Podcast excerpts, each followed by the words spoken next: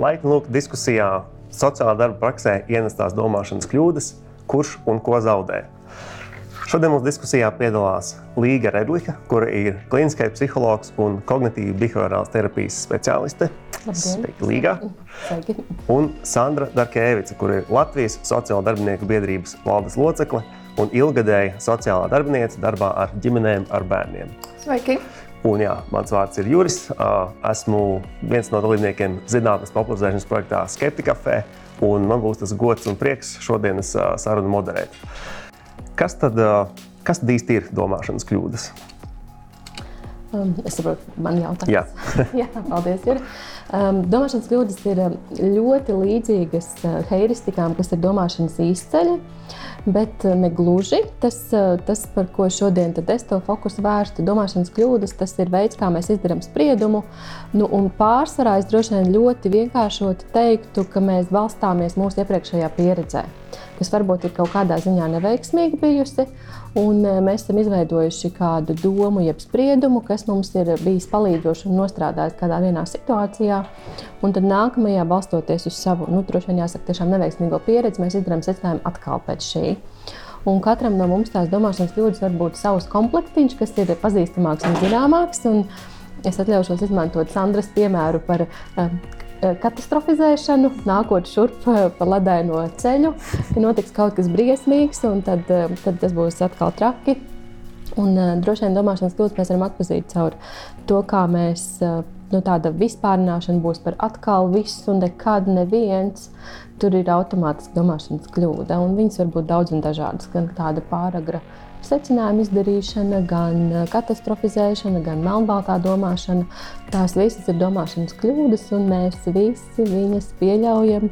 Nu, nu, gluži ne katru dienu, un kurš vairāk, kurš mazāk, bet tāds nu, jā, līdzīgs domāšanas īstenībā tāda sprieduma balstīšana kādā pieredzē. Mm -hmm. Jā, jau tās domāšanas kļūdas ir, izklausās, ka tas ir kaut kas nevēlams. Um, bet tad kādēļ tās ir radušās? Uh, un Un, jā, un Sandra, kādēļ, kādēļ tās mūsu prātos ir izveidojušās? Ja tās, vismaz, kā man izklausās, ja tās ir tik, ne, tik nevēlamas un nelabvēlīgas, tad kādēļ mums tās vispār ir? Nu, es nezinu, vai es atbildēšu uzreiz par, par visiem, kam, kam dēļ mums ir uh, šīs uh, nevēlamās domas, domu kļūdas. Bet izmantošu gadījumu, atgriezīšos varbūt tās savā uh, prakses pašā sākumā, un tad es nezinu, varbūt Līga tu varēsi tā kā. Nu, pateikt, ja? nu, kas tā, tā bija tā kļūda, vai nē. Nu, man, skatoties atpakaļ, jau nu, liekas, ka nu, laikam, tā bija domāšanas kļūda, kad es pirms kādiem gadiem, nu, 19, apmēram, ļoti sen sāku strādāt par sociālo darbinieku.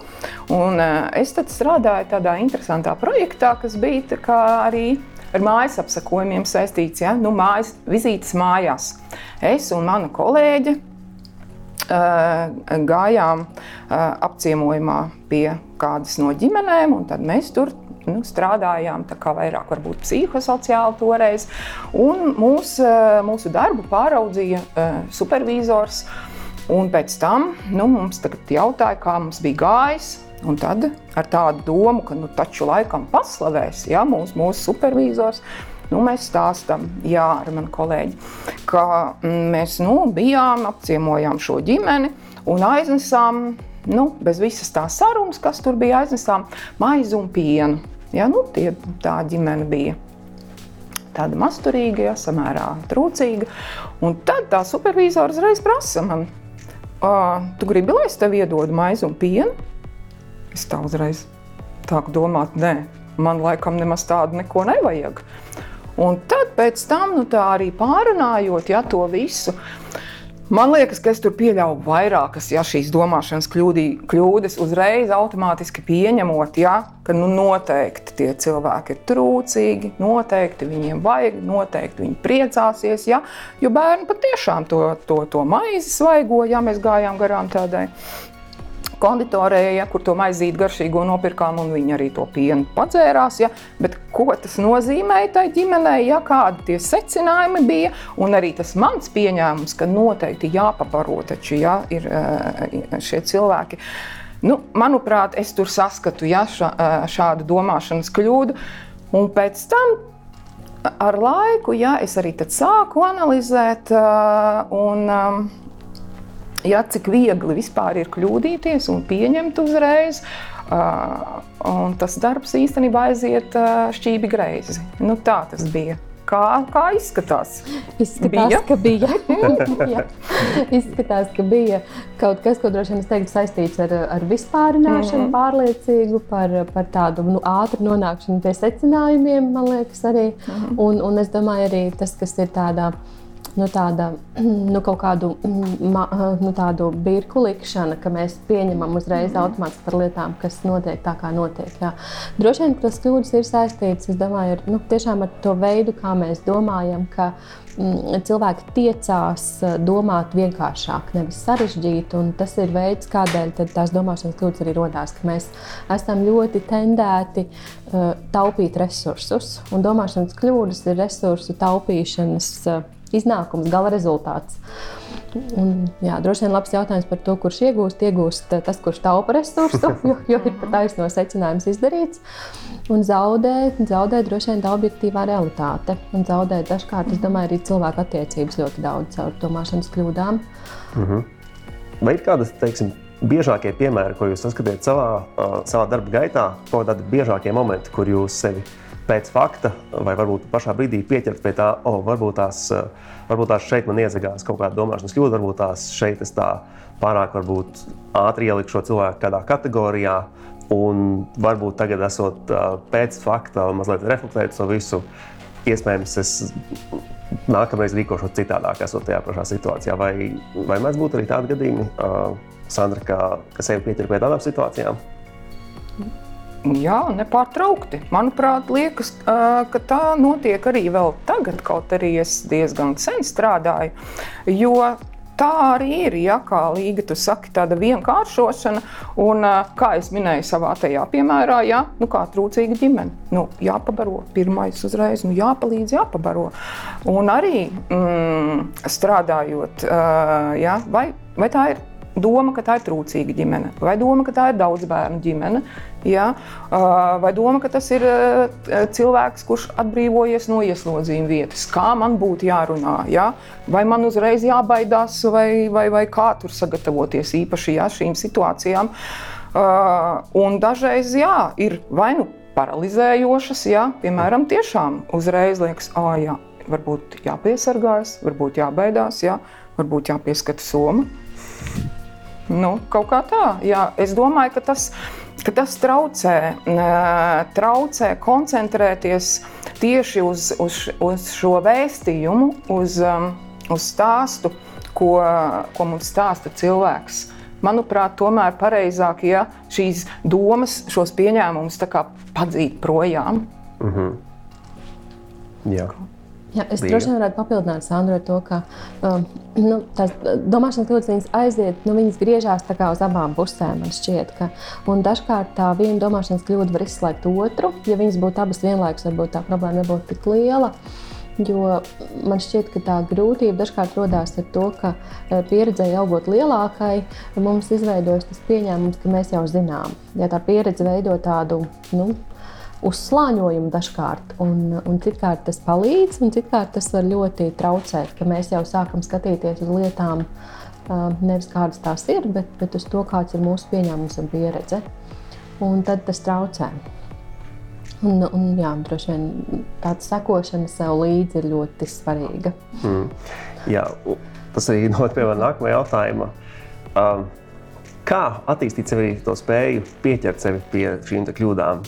Jo man vienmēr liekas, aptuveni kā, ka pieķert pie sev pie tām kļūdām ir aptuveni kā pieiet pie 100 kg hanteles un mēģināt viņu pacelt. Teiks. Nu, tas nav iespējams ar pirmo reizi. Un tā ir tāda lieta, kas tomēr ar laiku ir, ir jāuztrenē. Varbūt ir, esat pamanījuši sevi vai nu, darbā ar klientiem, kas ir tie momenti, kad ļaušu jums labāk apzināties, ka jūs šīs kļūdas pieļaujat. Mm, droši vien es, es salīdzinātu, Hantela, man liekas, ir burvīgs salīdzinājums un piemērs. Es droši vien salīdzinātu ar skatīšanos spogulī. Nu, kā, jā, ka es pēc kādas situācijas pārdomāju situāciju un paskatos uz sevi. Un tas noteikti nenāks viegli. Un, un tas ir ilgstošs, vien darbs ar sevi un ar, ar citiem cilvēkiem, un sarunājoties ar sevi iekšējā dialogā un ar apkārtējiem. Mm, tas, Jā, tas terapijas virziens, ko es pārstāvu, viņš ir ļoti, ļoti balstīts uz to, ka mēs domājam par savām domām, mēs domājam par veidu, kā mēs domājam un kā tā domāšana ietekmē to, kā mēs jūtamies. Un, un tas pirmais, kas ir pie, pie kognitīvā behaviorāla psihoterapijas speciālista, ka mēs domājam par to, uh, uh, kas ir tās automātiskās domas, kas iet cauri mūsu prātu. Un katrā situācijā ir kaut kas automātisks, ko mēs padomājam. Un dažkārt tajā automātismā parādās kļūdas. Un, uh, Parasti es esmu vairāk domājis par to, kā es domāju, ja es esmu izdarījis kādu kļūdu, kas ir ietekmējusi manas attiecības ar kādu citu cilvēku, nu, vai radījis kaut kādas uh, sekas, ka es pēc tam par to domāju. Nu, Tīri tādā emocionālā pašsajūtā. Tāda lūkošanās uz savām domām un sekošana līdzi arī nu, līdz ar to izrietot savai emocionālajai pašsajūtai.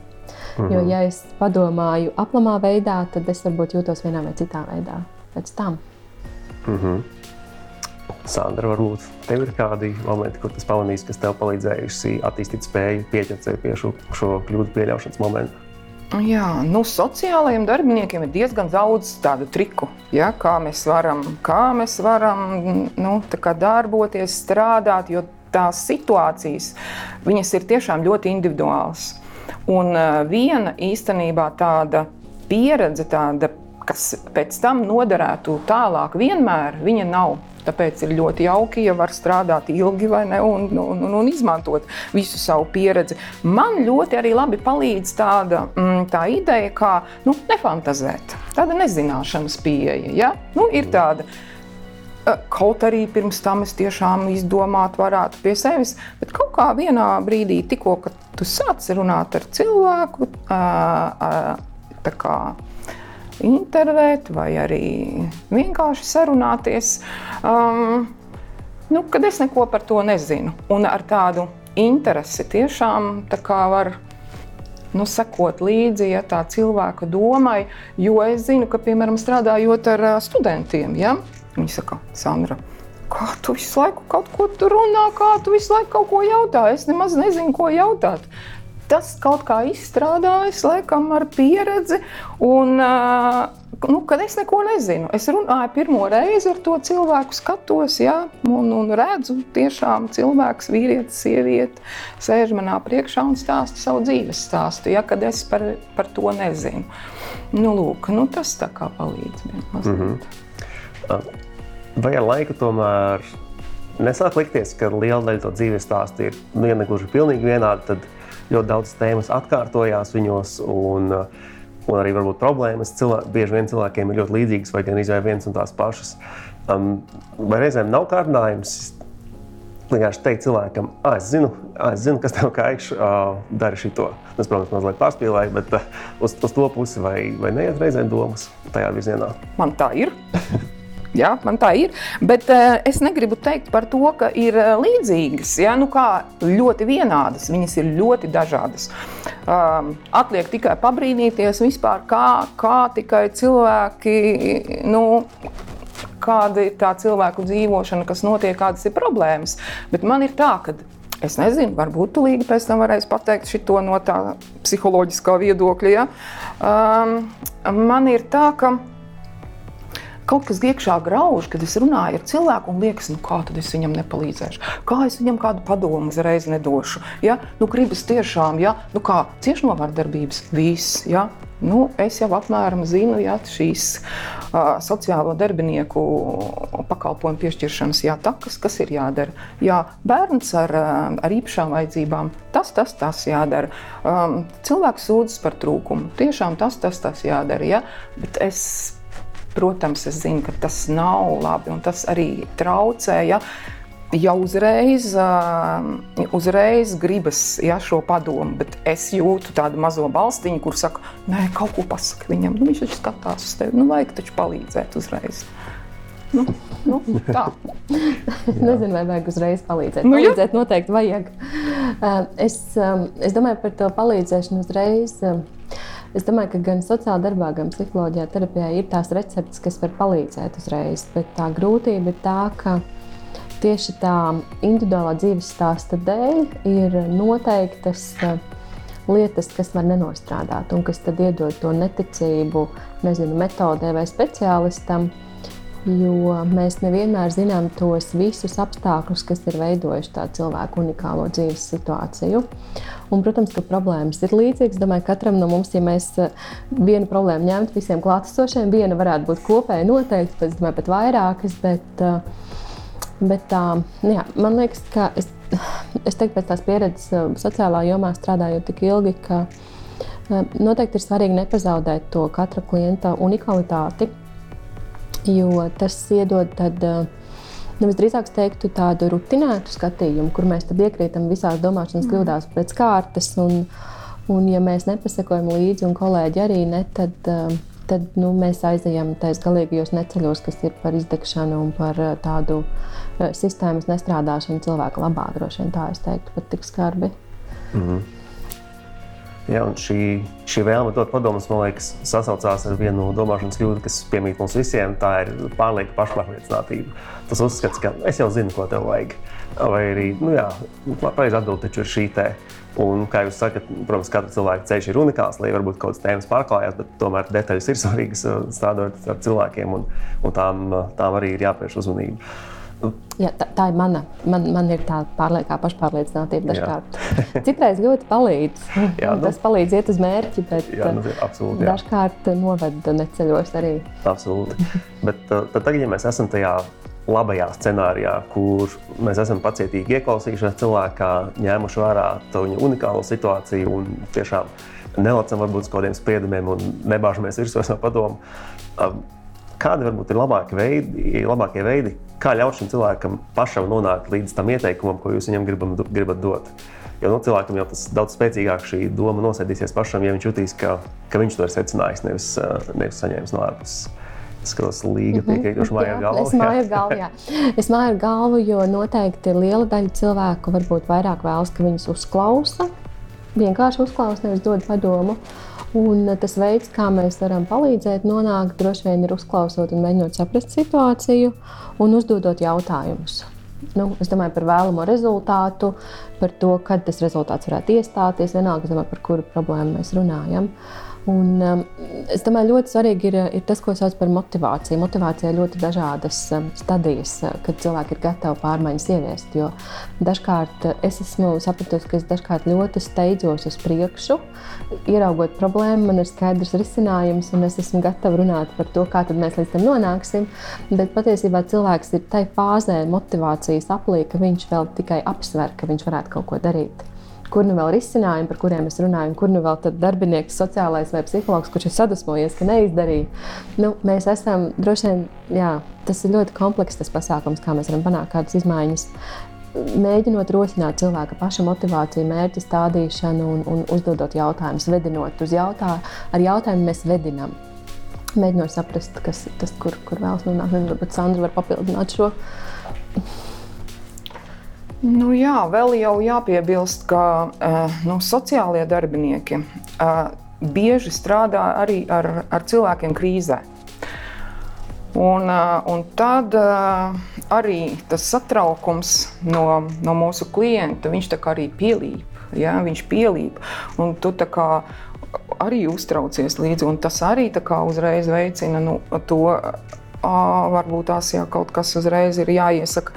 Tad, tad man palīdz, protams, arī tas, ka es nu, labi pārzinu, ja, visu, nu, kāda ir tā palīdzības iespējas. Ja. Tā kā varu pastāstīt ja, par to, kas ir, kas no pašvaldības ir, kādi, kādi palīdzības varianti iespējami, kas ir no valsts un kas vēl ir. Un tā kā atļauju padomāt cilvēkam. Un, uh, un mazliet tāda sajūta veidojas, kad es iedraudzējos. Es nezinu, vai tas ir pareizi, ja, bet tāda, nu, tāda labvēlība, ka kā iedraudzējies, ja, un var iedot arī materiālus līdzi, un, uh, lai var mierīgi padomāt. Uh, tad arī ir tā tāds laiks, tā tāda nu, telpa, kurā, uh, kurā veidojas ja, tā sadarbība. Un, un, un, manuprāt, rodas tāda nezinu, īst, īsta tāda uh, ilgspējīga sadarbība. Nu, kaut kā tā. Mm -hmm. Jā, kad ir vajadzīgs arī laiks tomēr. Un es jau pati arī dažreiz smējos, pat sarunā ar, ar klientiem. Es dažreiz sevi apstādinu, ja, jo es es jau jums te nobēru kā pupas, un tad saprotu, no, pa daudz informācijas, pa daudz. Jā, mm -hmm. Jo man arī tiešām pašai liekas, nu es visu zinu, visu labāko, es taču visu pateikšu. Jā. Un, un redz, cik daudz ir šīs iespējas. Jā. Palīdzēt. Nu, tu tikai klausies, jā, un mīļais cilvēks, un ņem pretī. Nu, jā. Nu, tā jau nav. Jā, jā palēnām, palēnām, mierīgi. Jā. Nu, tā. tā jau ir. Ka tad, kad pašam šīs metodes šķiet zināmas un arī pašsaprotamas, tad šī arī noteikti kāda domāšanas kļūda, ka, ka liekas, ka visiem tās ir tikpat, uh, tikpat pašsaprotamas. Un tas vispār ir tāds domāšu, domāšanas kļūda niķis, ka viņi ir tādi aklie punkti, ka mēs paši nemaz nepamanām, ka, nemaz nepamanām, ka mēs viņus uh, pieļaujam. Un saistībā ar šo ir arī viens uh, publikas jautājums. Vai terapija var palīdzēt tikt galā ar domāšanas kļūdām? Kā mums šķiet, vai terapija var palīdzēt tikt galā ar domāšanas kļūdām? Līga. Mans viedoklis būtu, ka terapija var palīdzēt labāk un ātrāk ieraudzīt. Tikt galā. Es vēl neesmu sasniegusi šo līmeni, es nezinu, vai kāds cits ir sasniedzis. Uh, varbūt ir, bet, bet noteikti es teiktu par to ieraudzīšanu ātrāko.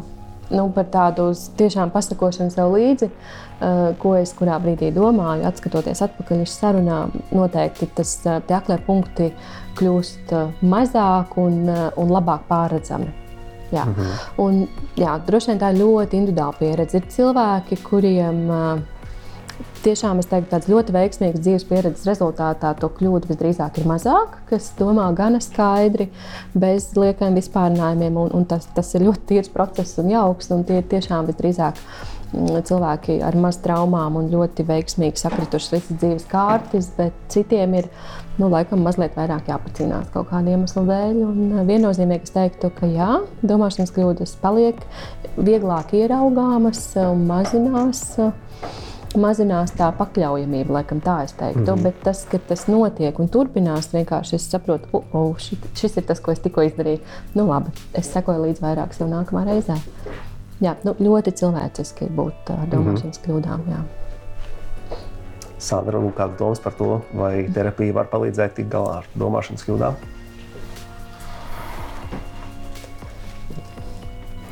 Nu, ja kāds nāktu pie manis kā pie sociālā darbinieka un teiktu, vai sociālā darbinieca palīdziet, lūdzu, ja man ir jātiek galā ar domāšanas kļūdām, uh, ja, kādu terapijas metodi ieviest, uh, izmantot, nu, es nezinu, priekš sevis.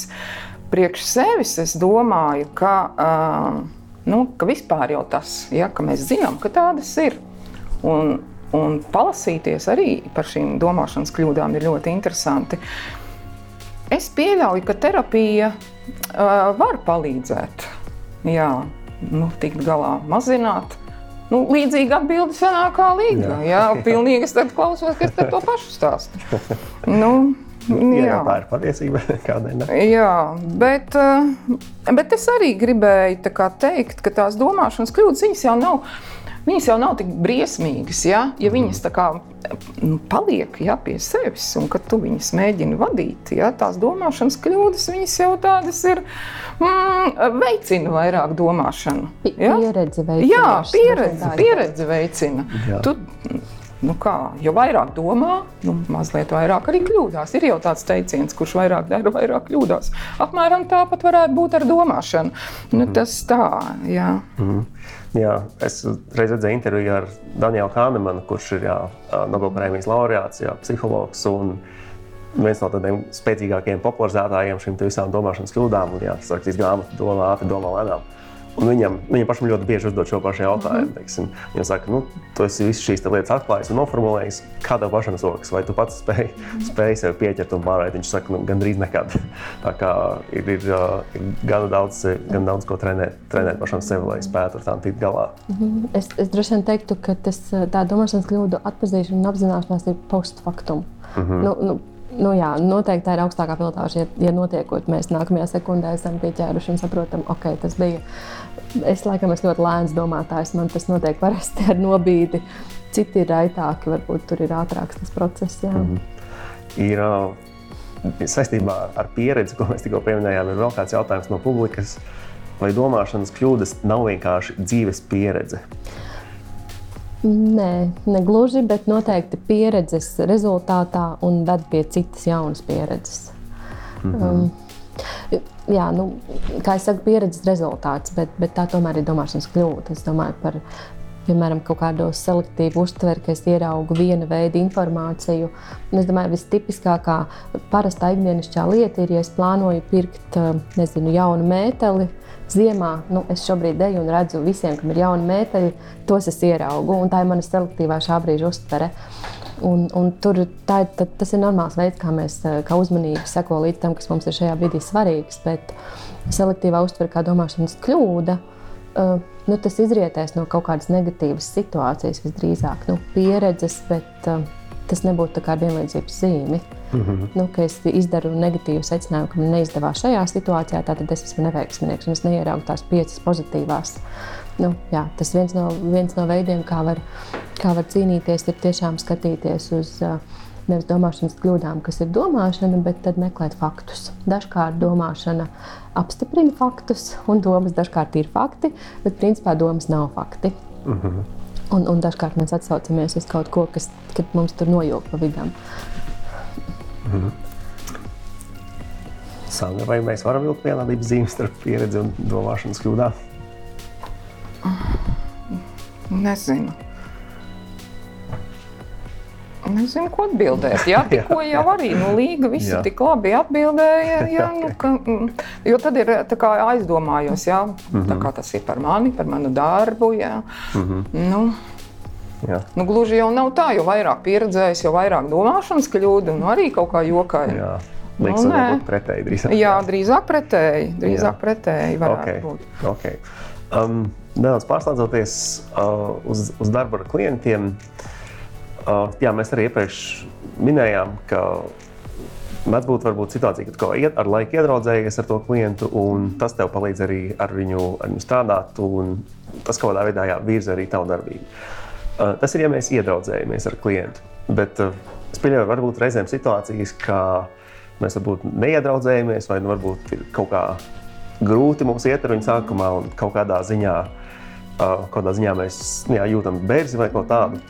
Un ar to jautājums, kā mūsu pašu emocionālais stāvoklis var, var ietekmēt darbu ar klientu. Jo arī mūsu pašu emocijas noteikti ļoti ietekmē mūsu pašu spēju spriest un spēju domāt un secināt. Un, ja jau tas klients mums, mums tos pašos kaut kādas emocijas izraisa, tad nu, no tā izriet, ka arī jā, šīs mūsu attiecības ar viņu ietekmē mūsu spēju spriest par viņu. Un kā, kā tas varbūt ietekmē Sandra darbu ar klientiem, kā tas palīdz, vai varbūt reizēm tas ir šķērslis, ko pašam jāpārvar. Emocijas noteikti ietekmē. Jā, no abām pusēm. Tā ir tāda miedarbība. Nu, tikai sociālais darbinieks, protams, ir profesionālis. Un, nu, šeit nu, ir tā, ka nekādā, nekādā gadījumā um, no emocijām nu, negatīvajām emocijām. Ja? Nav vieta varbūt arī ļoti, ļoti pozitīvām. Ja es tur vinēju loterijā un arī tik liela tāda laimes sajūta, arī varbūt es nezinu, tā nav gadījies, protams. Ja?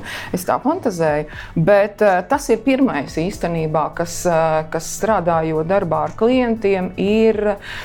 Mm, ir jāapzinās, ja, ka emocijām, sociālā darbinieka emocijām, manām emocijām, nu, šeit ir pakārtota, ļoti pakārtota vieta. Protams, ir jau dažādas arī šīs metodes, ja, nu, tie nu, es-vēstījumi un tā, bet nu, tie nav tā kā tieši ar, ar, ar, sociā, ar manu emocionālo stāvokli saistīti.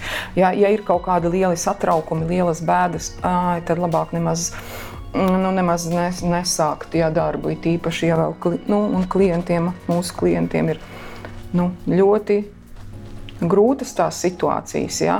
Šie cilvēki ļoti bieži ir sāpināti. Un, ja vēl pretī ir sociālais darbinieks, kurš tieši tāpat ar sāpīgu savieptu seju ja, mēģina uzklausīt un tā kā.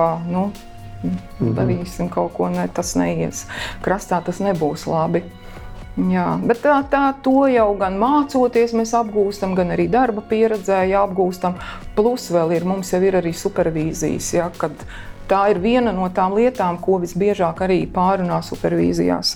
Kā darboties, ja kā strādāt šādos gadījumos, kad ir eh, pašam daudz emociju mhm. saistītas vai no nu ar pieredzi, kas saistās ar um, līdzīgu situāciju kādā no klientu dzīvēm pašam. Jā, vai arī nu, citāda veida emocijām. Nu, tā. Mm -hmm. Es varu bilst noteikti un apstiprināt to, ko Sandra arī saka. Um, es droši vien vērstu uzmanību, kas ir mazliet citādāks aspekts, bet ļoti līdzīgs, protams, arī sociālā darbā. Ka, Satiekoties ar citu cilvēku, jebkuru citu cilvēku, mums veidojas kaut kāda veida attiecības. Un tas, kas notiek attiecībās, ka uh, mēs uh, mainās mūsu emocionālais stāvoklis uh, atkarībā no tā, ko mēs runājam, kas notiek. Un, un terapijā to sauc par pārnesi vai pretpārnesi vai transferents, kontratransferents, kā to sauc. Bet mums esot kopā, mums veidojas kādas jūtas un attieksmes attiecībā vai emocijas uz otru, un otram veidojas pretī mums. Un, un tas ir tāds droši vien arī savā ziņā labs instruments, ka mēs varam pievērsties gan savām domām, gan emocijām. Tas var būt labi izmantojams materiāls savā darbā, saprotot, ka šī situācija manī uzjundīja noteiktas domas, emocijas un sasaist ar kaut kādu citu situāciju, kas visdrīzāk būs par mani, un man ir jāspēj to ieraudzīt. Ja es nevaru ieraudzīt, tad es īsti nevarēšu klientam palīdzēt tajā viņa situācijā. Tad es iekāpju ar viņu iekšā viņa kurpēs, un es tur palieku. Iekāpt cita kurpēs ir ļoti labi, bet, eh, ja mēs tur aizkavējamies par daudz, tad mēs īsti nevaram nu, būt palīdzoši. Es domāju, ne terapeits, ne, ne, ne sociālais darbinieks, ne psihologs, tad mēs dzīvojam kopā ar klientu viņa dzīvi, mums ir jāspēj mazliet izkāpt ārā. Tad ir tie pašpalīdzības instrumenti sociālā jomā strādājošiem, kas ir par tādu emociju atpazīšanu, par, par tādu tiešām mazliet atzīmošanos no situācijas, kas nevienmēr sanāk. Tas ir nu, dzīvē, mm -hmm. ar visiem citiem darbiem arī. Un tas, kas var veicināt to, ka tiešām sanāk, varbūt atzīmoties, tas notiek caur supervīzijām vai kopīzijām. Mm -hmm. Noteikti, es domāju, gan caur supervīzijām, eh, kur ir kāds, kurš ir pieredzējušāks un kurš eh, nav situācijā iekšā, un viņš automātiski redz ar skaidrākā, skaidrākām acīm, ja tās emocijas nepārņem. Eh, Kovīzijas, kad kolēģi satiekas mm. savstarpēji, divi tā, trīs tā vai vairāk tā, bez šī pieredzējušākā, kur ir tā vienlīdzīgā diskusija. Nu, droši vien arī, arī tas, kas ir par pašterapiju. Ja, ja tās situācijas paliek pārāk sarežģītas, pārāk komplicētas, tad es domāju, ka jebkurš palīdzošā jomā strādājošs ir, ir noteikti saņēmis palīdzību īsākā vai garākā termiņā. Nu, vismaz psihologa terapeiti tas ir pats par sevi saprotams. Bet drīzāk arī daļa sociāla darbinieka. Zinu, ka, ka vērtē to kā palīdzības iespēju un, un saņem. Mm. Um runājot par, par šīm supervīzijām vai kovīzijām, ir varbūt kādas pazīmes, ko mēs varētu nosaukt, ka, ka supervīzija vai kovīzija norit labi. Jo ir viena lieta uz viņu iet, un noteikti bieži vien intuitīvi cilvēki kaut kādā ziņā var just, ka jā, man tas palīdz, pēc viņas jūtos labāk. Bet, ja kāds varbūt šaubās par to, vai man šobrīd ir vajadzīga kovīzija, un pat ja viņš aiziet, vai tas bija šī laika vērts, varbūt ir kādas lietas, ko varētu uzskaitīt, kas liecina par to, ka, jā, ka šī supervīzija ir bijusi laba. Mm. Es nezinu, kamēr Sandra domā. Es teiktu, no citas puses, es teiktu, ka mums ir jāsaprot tās supervīzijas vai kovīzijas mērķis. Mm -hmm. Un tas ir pirmkārt, kas mums ir jāuzstāda. Ja mēs esam uzstādījuši mērķi, un mērķi var būt ļoti dažādi.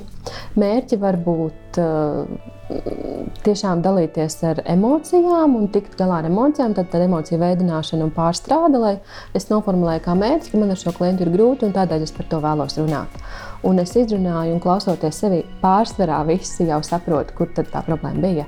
Ja mērķis ir tātad saprast savas emocijas vai izrunāt, ir viens, Cits mērķis ir tātad tīri profesionāli nu, ieteikumi, tad uz kurieni mēs virzāmies šīs eh, supervīzijas vai kovīzijas rezultātā. Un, eh, kas dažkārt rada liekas, to vilšanos, ka mēs eh, neuzstādām to mērķi paši, ka mēs nesaprotam, uz kuru pusi mēs vēlamies, tad mēs gribējām risinājumu, bet mēs izveidojām emocijas abi ir vajadzīgi. Un, un noteikti mērķi var būt vēlreiz domāju, tāda psihoizglītošana un pieredzes apmaiņa, noteikti arī citi mērķi, bet pirmkārt, es domāju, tas izriet no katra paša. Kas ir mērķis? Un, ja es uzstādu mērķi, tad es varu saprast, ja, ja es esmu uzstādījis un visiem tas ir zināms, es sasniedzu vai nesasniedzu. Droši vien tā es teiktu.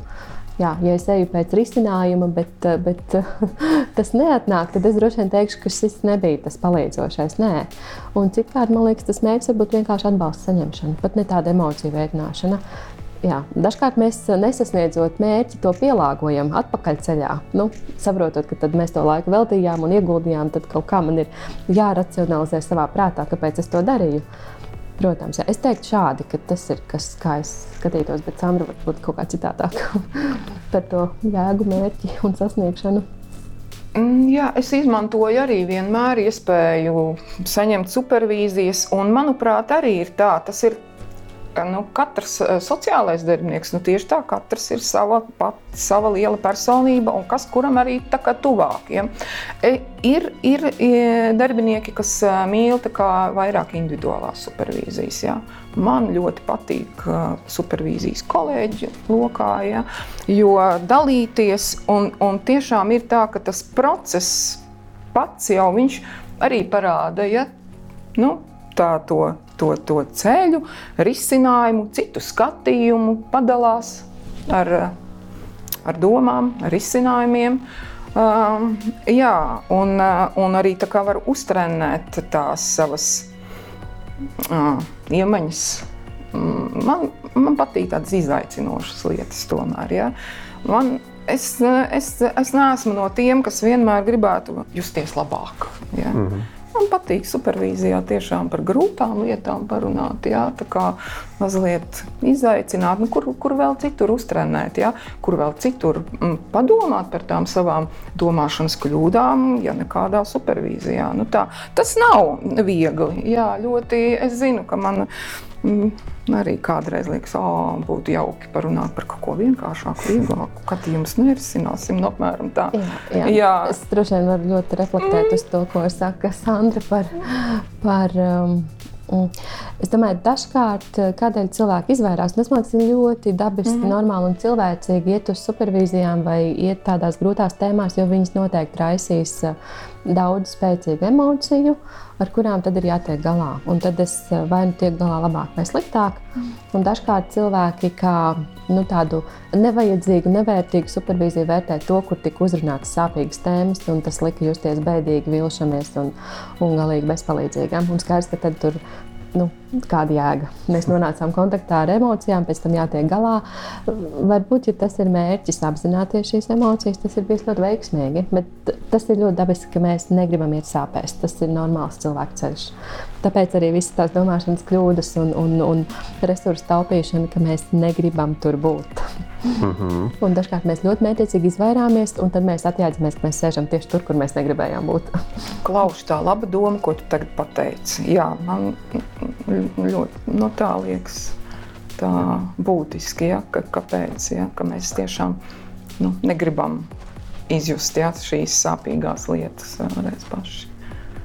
Jā. Mm. Un, ja jau mums, nu, protams, jā, cilvēkiem vairumā gadījumā nepatīk iet uz to grūto un, un nepatīk doties sāpju virzienā. Uh, un ņemot vērā to, bieži vien mēs varam paši racionalizēt, ka mums būtu nevajag to palīdzību no ārpuses. Uh, varbūt jums ir ieteikums speciālistiem, kā pamanīt, ka tomēr man vajag šo kohīziju vai supervīziju. Jo, nu, ja tā ir lieta, ja tā ir tāda smaga lieta, uz ko, uz ko jā, varbūt nevienmēr gribās iet, tad ir, ir diezgan viegli pašam sev racionalizēt, nē, man to nevajag. Ai, nākamā nedēļa gan jau šodien izlaidīšu, vai nu, visas šīs šāda veida domas. Varbūt ir kādas pazīmes, ko cilvēks var pamanīt savā rīcībā, vai varbūt savā kādās automātiskajās domās, kuras biežāk uzpeld, ka, ok, ja man notiek šīs divas vai trīs lietas, tad, tad varbūt ir laiks aiziet ar kādu parunāties. Mm. Ļoti labs jautājums. Izcils. Mm, es domāju, ļoti nu, unikāls kā katrs no mums. Um, es domāju, ka katram ir tā sava recepte gan tai pašsajūtai, kā es atjaunojos un kā es jūtos labāk.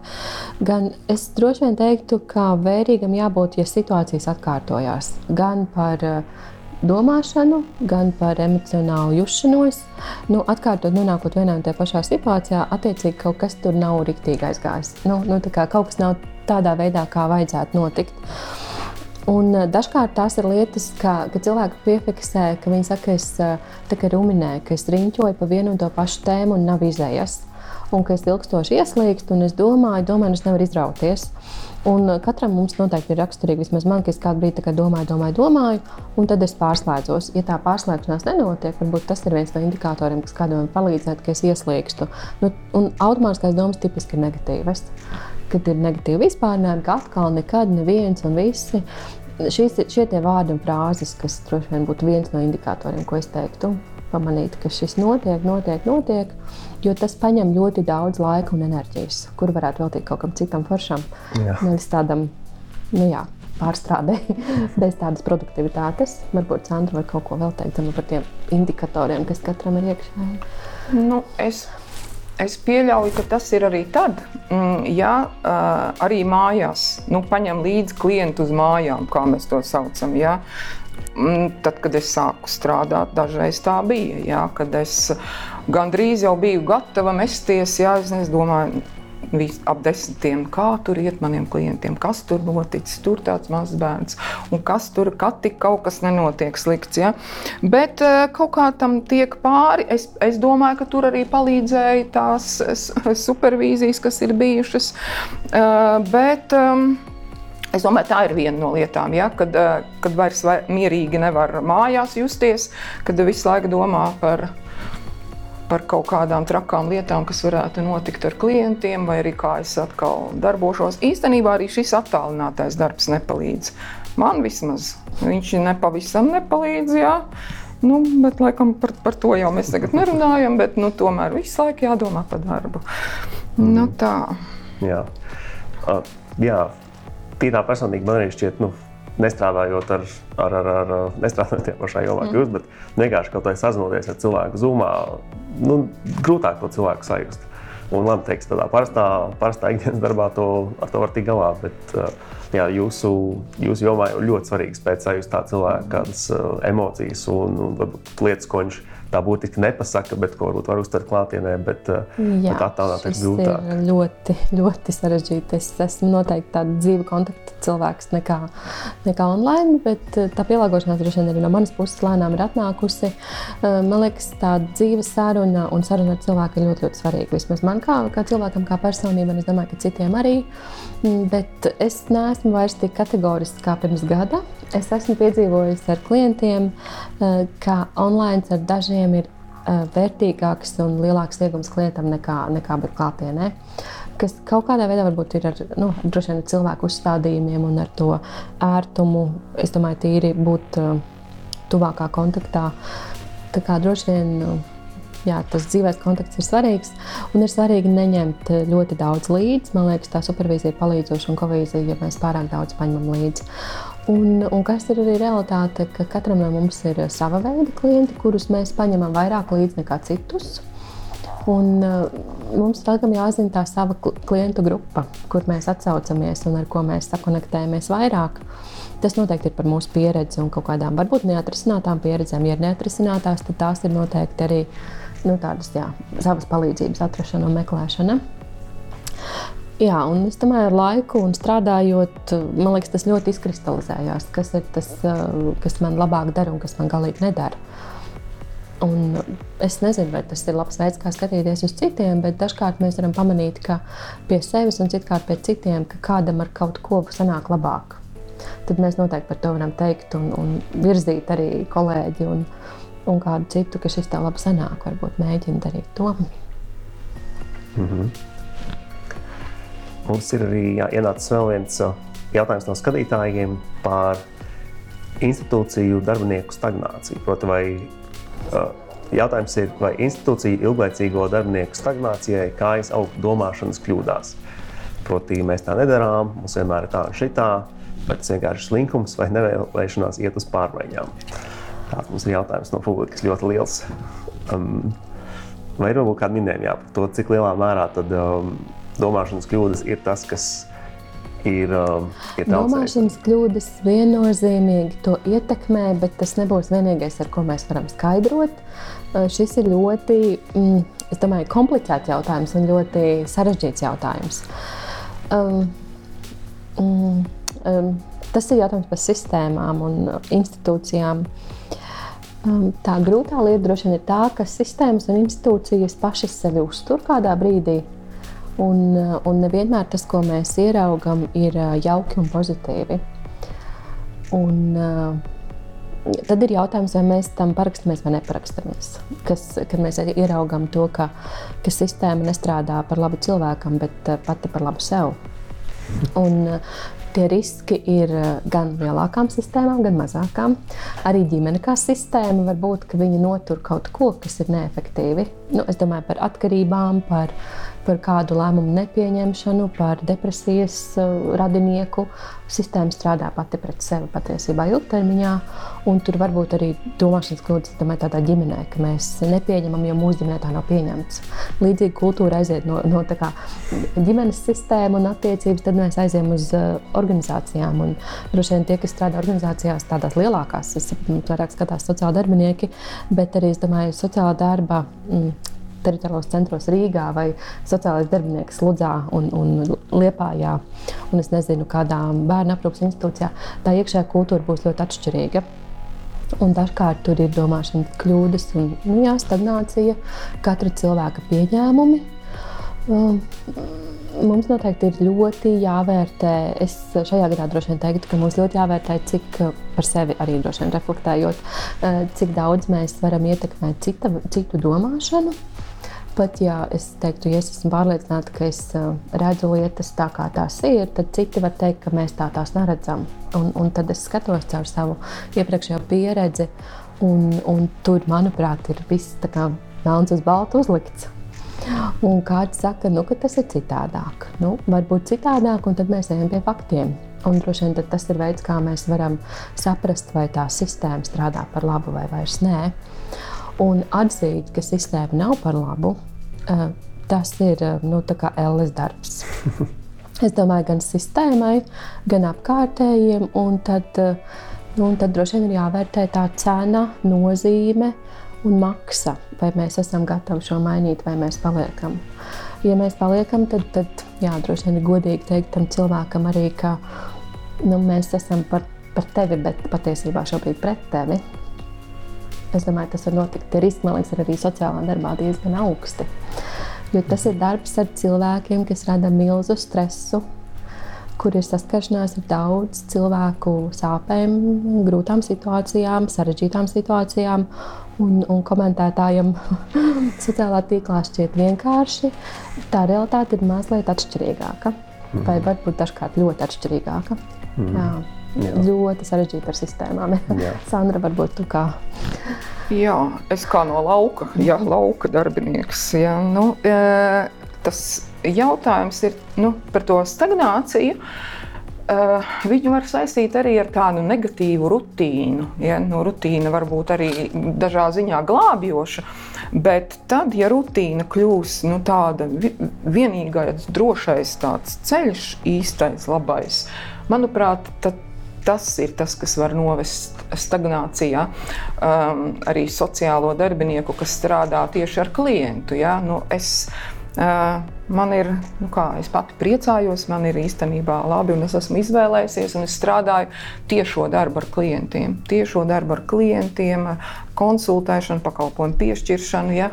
Nu, tur tā stagnācija nemaz tā īsti nav iespējama. Nu, vismaz es tā sajūtos, ja, ka tā, tās situācijas ja, mainās. Visu laiku ir kaut kas jauns.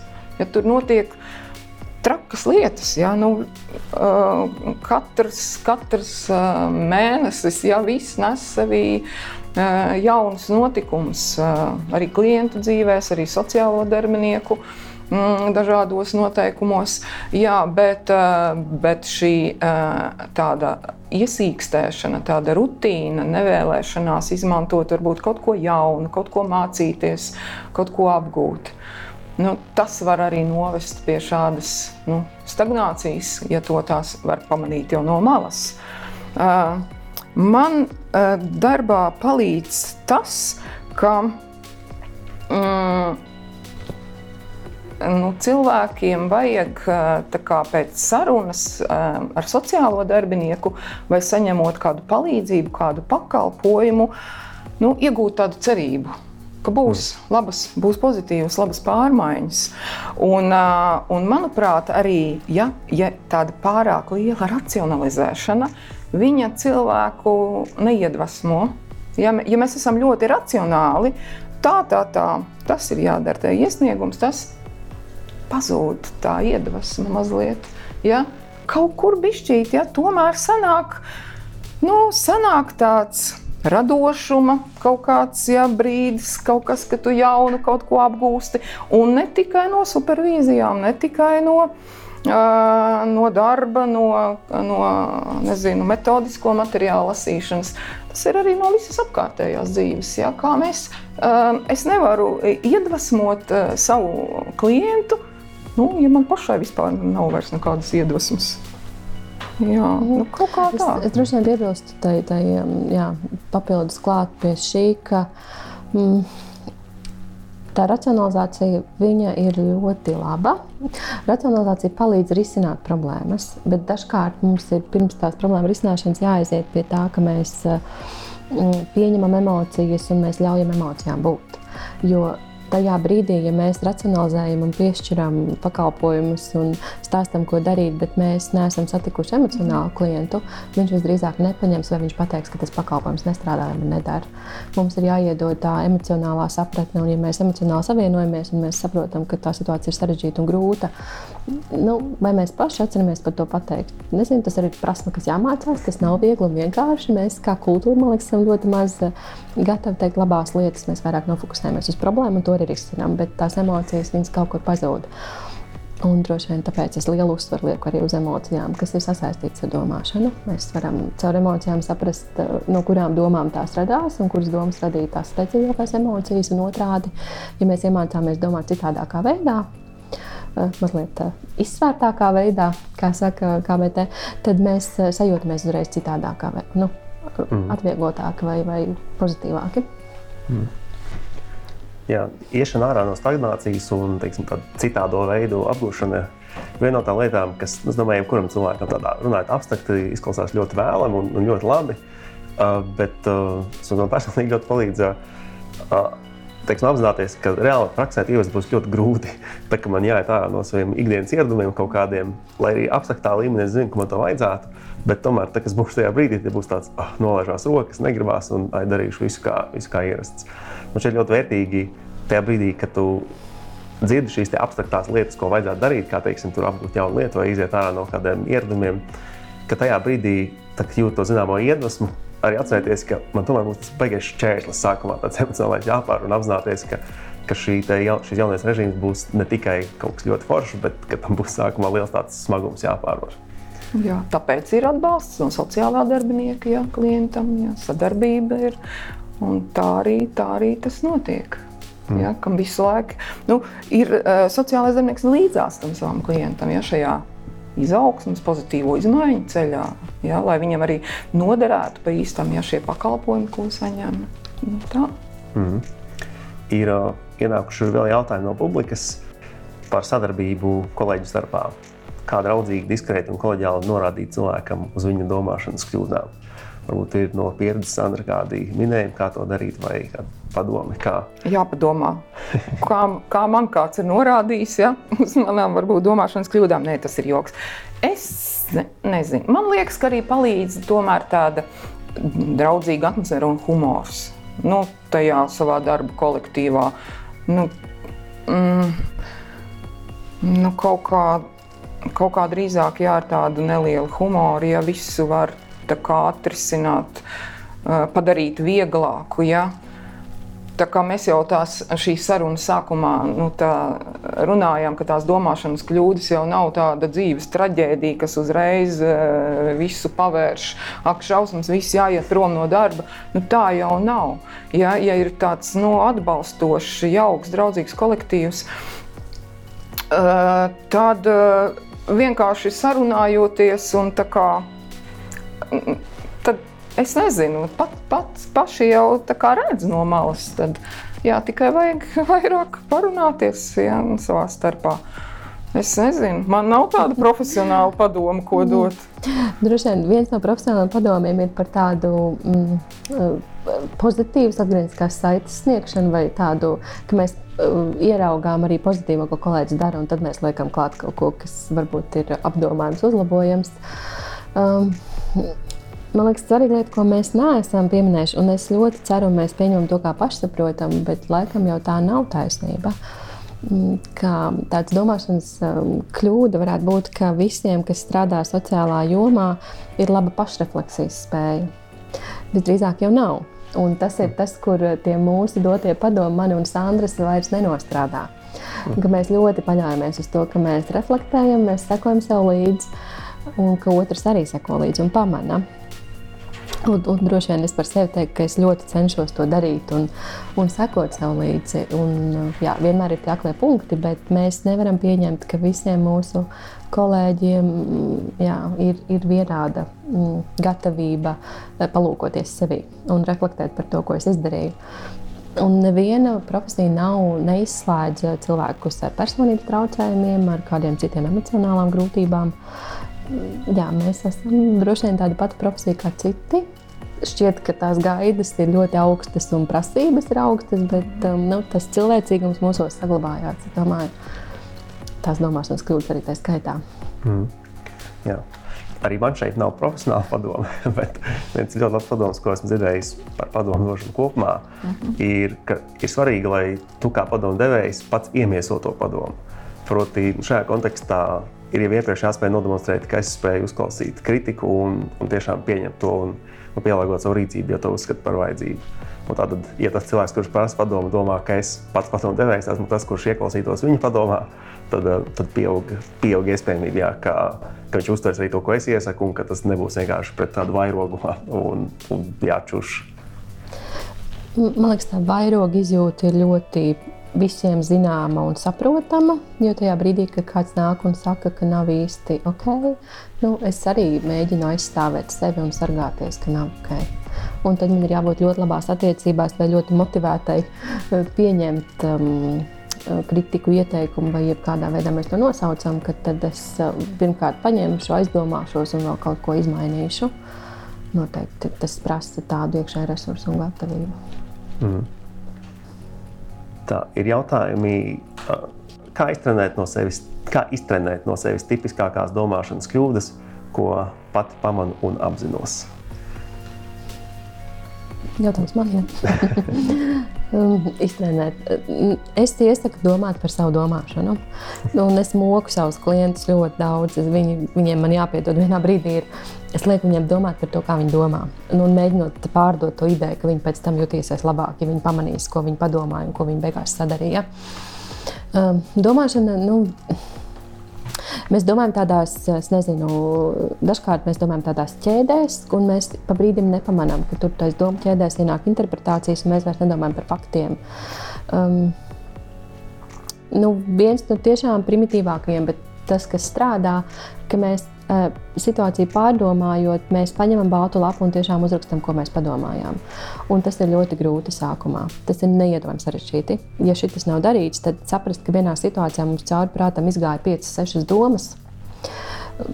Ir jādomā par to, ir jānofokusējās, saprast, un ja mēs ļaujam sev paskatīties tajā prātā, tad tas varētu būt kā atslēga, ka es saprotu, ka es izgāju cauri šim, un kurā pieredzē vēlāk tas aiziet, kur tas reflektējās. Jo es domāju, tās domāšanas kļūdas, un kāpēc arī mēs mazliet to pieredzi pieminām, ka daļā situācijā tās domāšanas kļūdas nav bijušas kļūdas, bet tie ir bijuši secinājumi atbilstoši situācijai, ko mēs darām. Mēs arī tad, kad mēs pieļaujam automātiskās domas, ko tipiski mēs sakām negatīvās, viņas kaut kādās situācijās ir apstiprinājušās. Tāpēc mēs tā domājam. Mēs esam gan racionāls būtnes, mēs esam novērojuši, piedzīvojuši, un mēs saprotam, ka šis var notikt vēlreiz.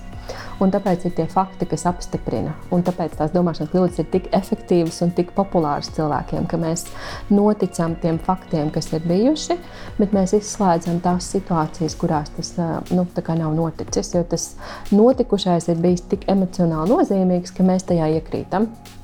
Un tas ir tas mehānisms, kā tas nostrādā. Un tad veids, kā, kā tikt vaļā, ir ieraudzīt, ko es padomāju, saprast, ar kuru pieredzi tas sasaistās. Un tās var būt ļoti, nu, pat ne milzu traumatiskas situācijas, bet emocionāli nozīmīgas, kas mazliet aizķer. Un patiesībā no tām mazajām situācijām nu, tā lielā dzīve izveidojas. Un tur tas lauks ir, uz kuru var skatīties un saprast, un tad meklēt. Um, Jā, vai tur ir sarunas ar citiem, vai tur ir dzīvesveida pārmaiņas. Jo domāju, tā viena recepte visiem nestrādās. Ir kaut kas, kas man palīdz un strādā. Un, uh, droši vien es teiktu, ka man ir palīdzējis, ka es zinu, kā es domāju. Un es domāju ļoti lēnām. un es domāju, ļoti rušinoši un, un pārskatot to bildi un mēģinot skatīties, vai tiešām tā vai citādāk. Un tas ir veids, kā es domāju, un es to zinu. Un tas man ir palīdzējis indikatīvi saprast reizes, kad es esmu izdarījis kaut kādus citus secinājumus, vai, vai kļūdas, vai aizgājis ne taisceļos. Tas nav par mani, es zinu sevi. un tas droši vien, um, jā, es domāju, vienmēr par sevi var būt pārsteigums, bet tas ir veids, kas ir man strādājis. Citam strādās cits. Mhm. Jā. Nu, mans ieteikums ir, ka, nu, kā viņus var iztrenēt. Ja? Nu, praktizēt, jā, vajag praktizēt arī. Nu, es vairāk šobrīd par darbu ar klientiem, ja, darboties. Sarunāties un, un domāšanas kļūdas, ja arī viņas ir pieļautas, tas ir tas, ko var arī pēc tam vēlreiz pārunāt. Ja? Mēs aizgājām kaut kā ne tur. Ja? Mēs kaut ko, ja, to jau var pārunāt vēlāk ar, ar klientu, un tur būs vēl dubultā uh, ieguvums. Ja? Gan būs pirms tam runāts, gan Es pati būšu mācījusies no sava klienta un vēl parādījusi modeli uh, savam klientam, kā, kā tiek risinātas problēmas, kā notiek. Jo rekā ir uh, sociālajā darbā mūsu cilvēki, ar ko mēs strādājam, uh, Viņi, ma, viņiem ir jāmācās dažreiz. Mm, viņi nevar mācīties no savas, savas pieredzes, kas viņiem bija. Viņiem dažreiz pat jāmācās no tā, kā izturās sociālais darbinieks. Kā, pat no tā, kā viņš, kā viņš nāk pretī, kā pasmaida, kā sasveicinās. No visa ir jāmācās. Ja? Mēs ar savu rīcību jau arī rādām šo modeli. Uh, um, saviem klientiem. Un, ja arī kādreiz kaut kas aiziet, ja šķērsām kaut ko uh, konsultācijā, kaut ko atceries, kaut ko aizmirsti, vai arī labu domājot, esi kādu savu padomu, ja, pa priekšu domām pateicis, tad to pēc tam var pateikt, pārunāt, ja, re kā sanāca. Ir pat tāds teiciens, gribēju, kā labāk sanāca, kā vienmēr. Es, kad, kad tu stāstīji par tām domāšanas kļūdām, uh, atcerējos šo, šo teicienu. Nu, tā, jā, bet uh, to visu var iepraktizēt. Mm. Tam vajag laiku, un tā arī kļūst, nokļūst pie pieredzes. Jā. Un atkal rodas sajūta, ka mēs nonākam pie tās pašas 100 kg hanteles. Mm. Viss, kas tev jādara, lai paceltu 100 kg hanteli, ir, ir jāpaceļ. Bet, mm. Protams, tas pats prasa laiku, treniņu, un tas nenotiek ar, ar pirmo reizi. Ir vēl kāds jautājums par padomu laika mantojumu. Um, vai padomu laika pēdiņās liekot normālo cilvēku, normālo rīcību definēšana un pieturēšanās pie tām nav veidojusi lielu daļu domāšanas kļūdu un stereotipu, ar ko mums šobrīd ir jācīnās. Tātad, vai padomju laika stereotipi par to, kas ir normāls cilvēks un kā viņš rīkojās, vai tas gadījumā nav, vai tās nav tādas dzirnavas, pret ko mums šobrīd ir jācīnās, un, un vai tur var būt saknes aug šiem stereotipiem un domāšanas kļūdām. Pīga. Es teiktu, ka mēs necīnāmies ar padomu laika mantojumu, mēs mēģinām tikt galā paši ar savu dabu. Un, um, mēs nedrīkstam šobrīd, 30 gadus pēc uh, neatkarības atjaunošanas, teikt, ka, ka tas ir padomāts mantojums, tas ir cilvēka dabas mantojums. Tā ir katra mūsu atbildība par to, kas šeit notiek un kā tas notiek. Noteikti ir daļa cilvēku, kas ir dzimuši, auguši. Es esmu dzimusi nebrīvā Latvijā, tad es esmu tik veca. Bet um, skaidrs, ka vide un, uh, un laiks ietekmē un tas rada daudz eh, negatīvas pieredzes, kas ir bijis. Un, eh, Bet tā atbildība ir šobrīd mūsu rokās. Mēs nevaram tajā balstīties un teikt, ka tādēļ, kā mēs balstāmies um, cilvēku uh, īpašībās, um, nezinu, vājībās. Tas ir tas, kamā mēs dzīvojam. Un, droši vien ir jāpazīst sevi un jāsaprot, kā, uz ko es norēģēju un kas ir mana vājība. Vai tas ir par veidu, kā es domāju, vai par bailēm no pārmaiņām, vai par mm, tādiem grūtiem lēmumiem un nepopulāriem lēmumiem. Nu, tās atbildības ir mūsu rokās šobrīd. Jā, es varētu varbūt piebilst.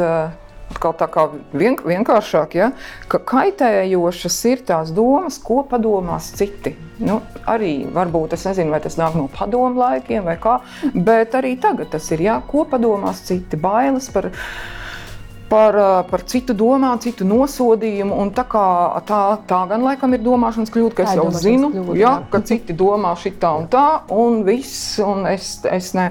Es, es uh, zinu, ka uh, sociālajie darbinieki, kas strādā ar bērniem, ar pusauģiem, ja, nu, tas ir traki, ka viņi kaut kur dodas ar šitiem, kā dažreiz mazie mežonēni, ja, ārprāts, ja, un, bet sociālais darbinieks vai nu, nezinu, jauniešu darbinieks, nu, viņi tik labi tiek galā, ja? tik uh, mierīgi, tik labi ar savu paraugu, ar savu modeli. Un, uh, un ja baidītos un tā kā nevēlētos, tad jau nekur nevarētu vispār mm, tālāk iet uz priekšu. Nu, darbinieki, kas strādā ar bērniem. Ja? Nu, ne tā padomās, nu, kurš, tad, kurš tad strādās ja? ar, ar, ar šo mērķu grupu, kurš strādās ar, um, ar, tā, ar, ar, ar mūsu klientiem. Jā, man liekas, ļoti es pievienojos tam. Mums mēs nevaram būt tā tās vientuļās salas. Man šķiet, mm -hmm. mēs nekad nevaram būt tādi pilnīgi brīvi no citu cilvēku viedokļa, bet tā domāšanas kļūda ir, ka viss, kas notiek, ir ar mani saistīts. Tā jau nav nu, tas ir tas uh, domāšanas kļūda, un, kas droši vien sasaistās ar to seno laiku, kad nu, tas bija tas izdzīvošanas jautājums. Tas, ko padomā un tas, kā izskatās uz ārpusi, tam ir jābūt vienā veidā, un tā realitāte ir cita. Nu, šobrīd mēs esam citā laikā, citā veidā, un droši vien tas realitāte, ko mēs rādām uz āru, arī nav tā patiesā. Tas ir laikam tāds paradoxāli, bet pretējā virzienā. Jā.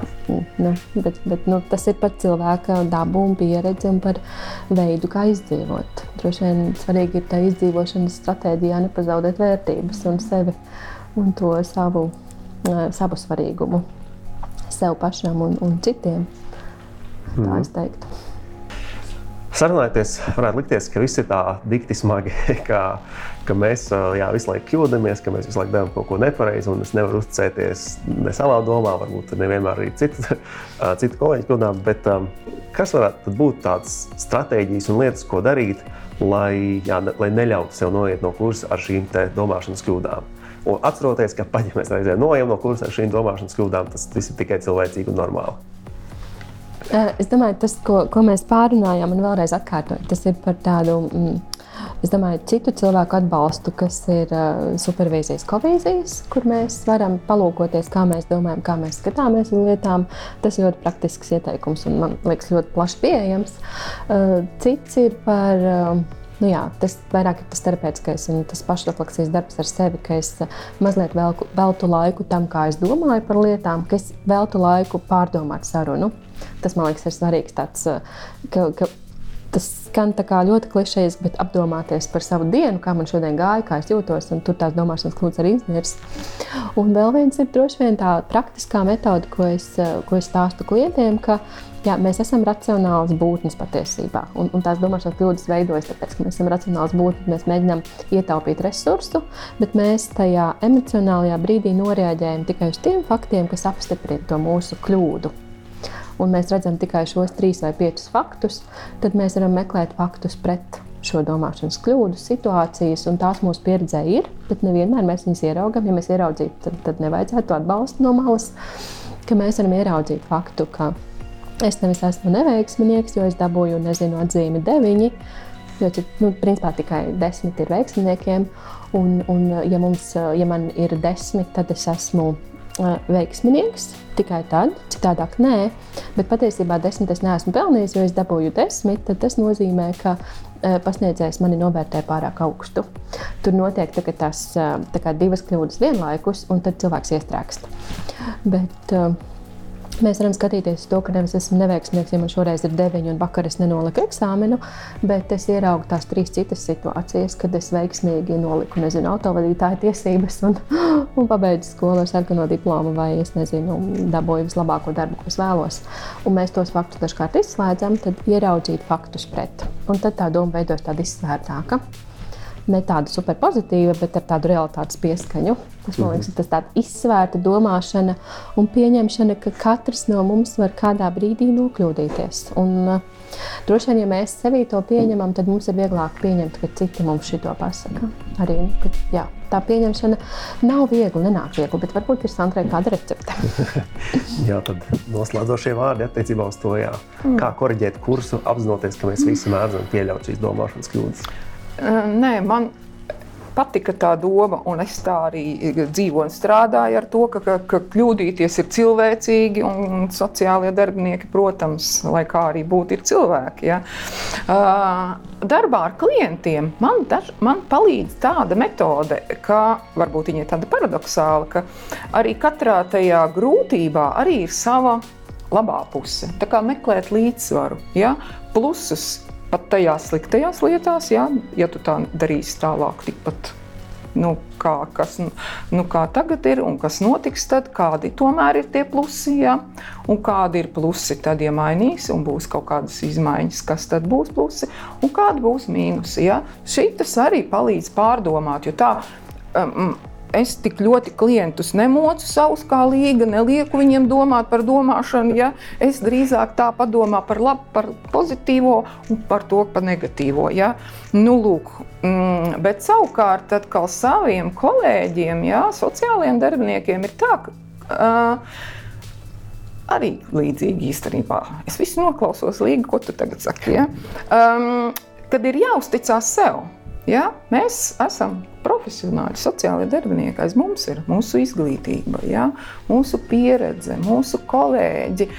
Un, uh, un ja tā padomā, ka, mm, ka tā kļūdīšanās, nu, Uh, ja tā ir tikai domāšanas kļūdas, ja, ko var, ko var uh, izlabot un novērst, um, tad tas jau nu, nekas tāds ļoti bailīgs nav. Un, manuprāt, šī uzticēšanās sev ir ļoti svarīga. Ja tāda, tāda līdzsvara sajūta arī sevī. Nu, jā, protams, supervīzijas un tā tālāk. Jā. Bet man liekas, ka tieši uz Ziemassvētkiem šī tāds novēlējums būtu labs. Jā. Es, es teiktu, uzlikt odziņu, kā atrast savu drošības avotu mm -hmm. un aiziet tur. Un tas drošības avots var būt katram cits. Citam ir cilvēkos, mm -hmm. citam, citam reliģijā, citam kaut kur vēl pavisam. un es domāju, jā, lieliski novēlējumi. Paldies par sarunu, paldies Līga, paldies Sandra. Un novēlu visiem labi pārdomātas Ziemassvētkus.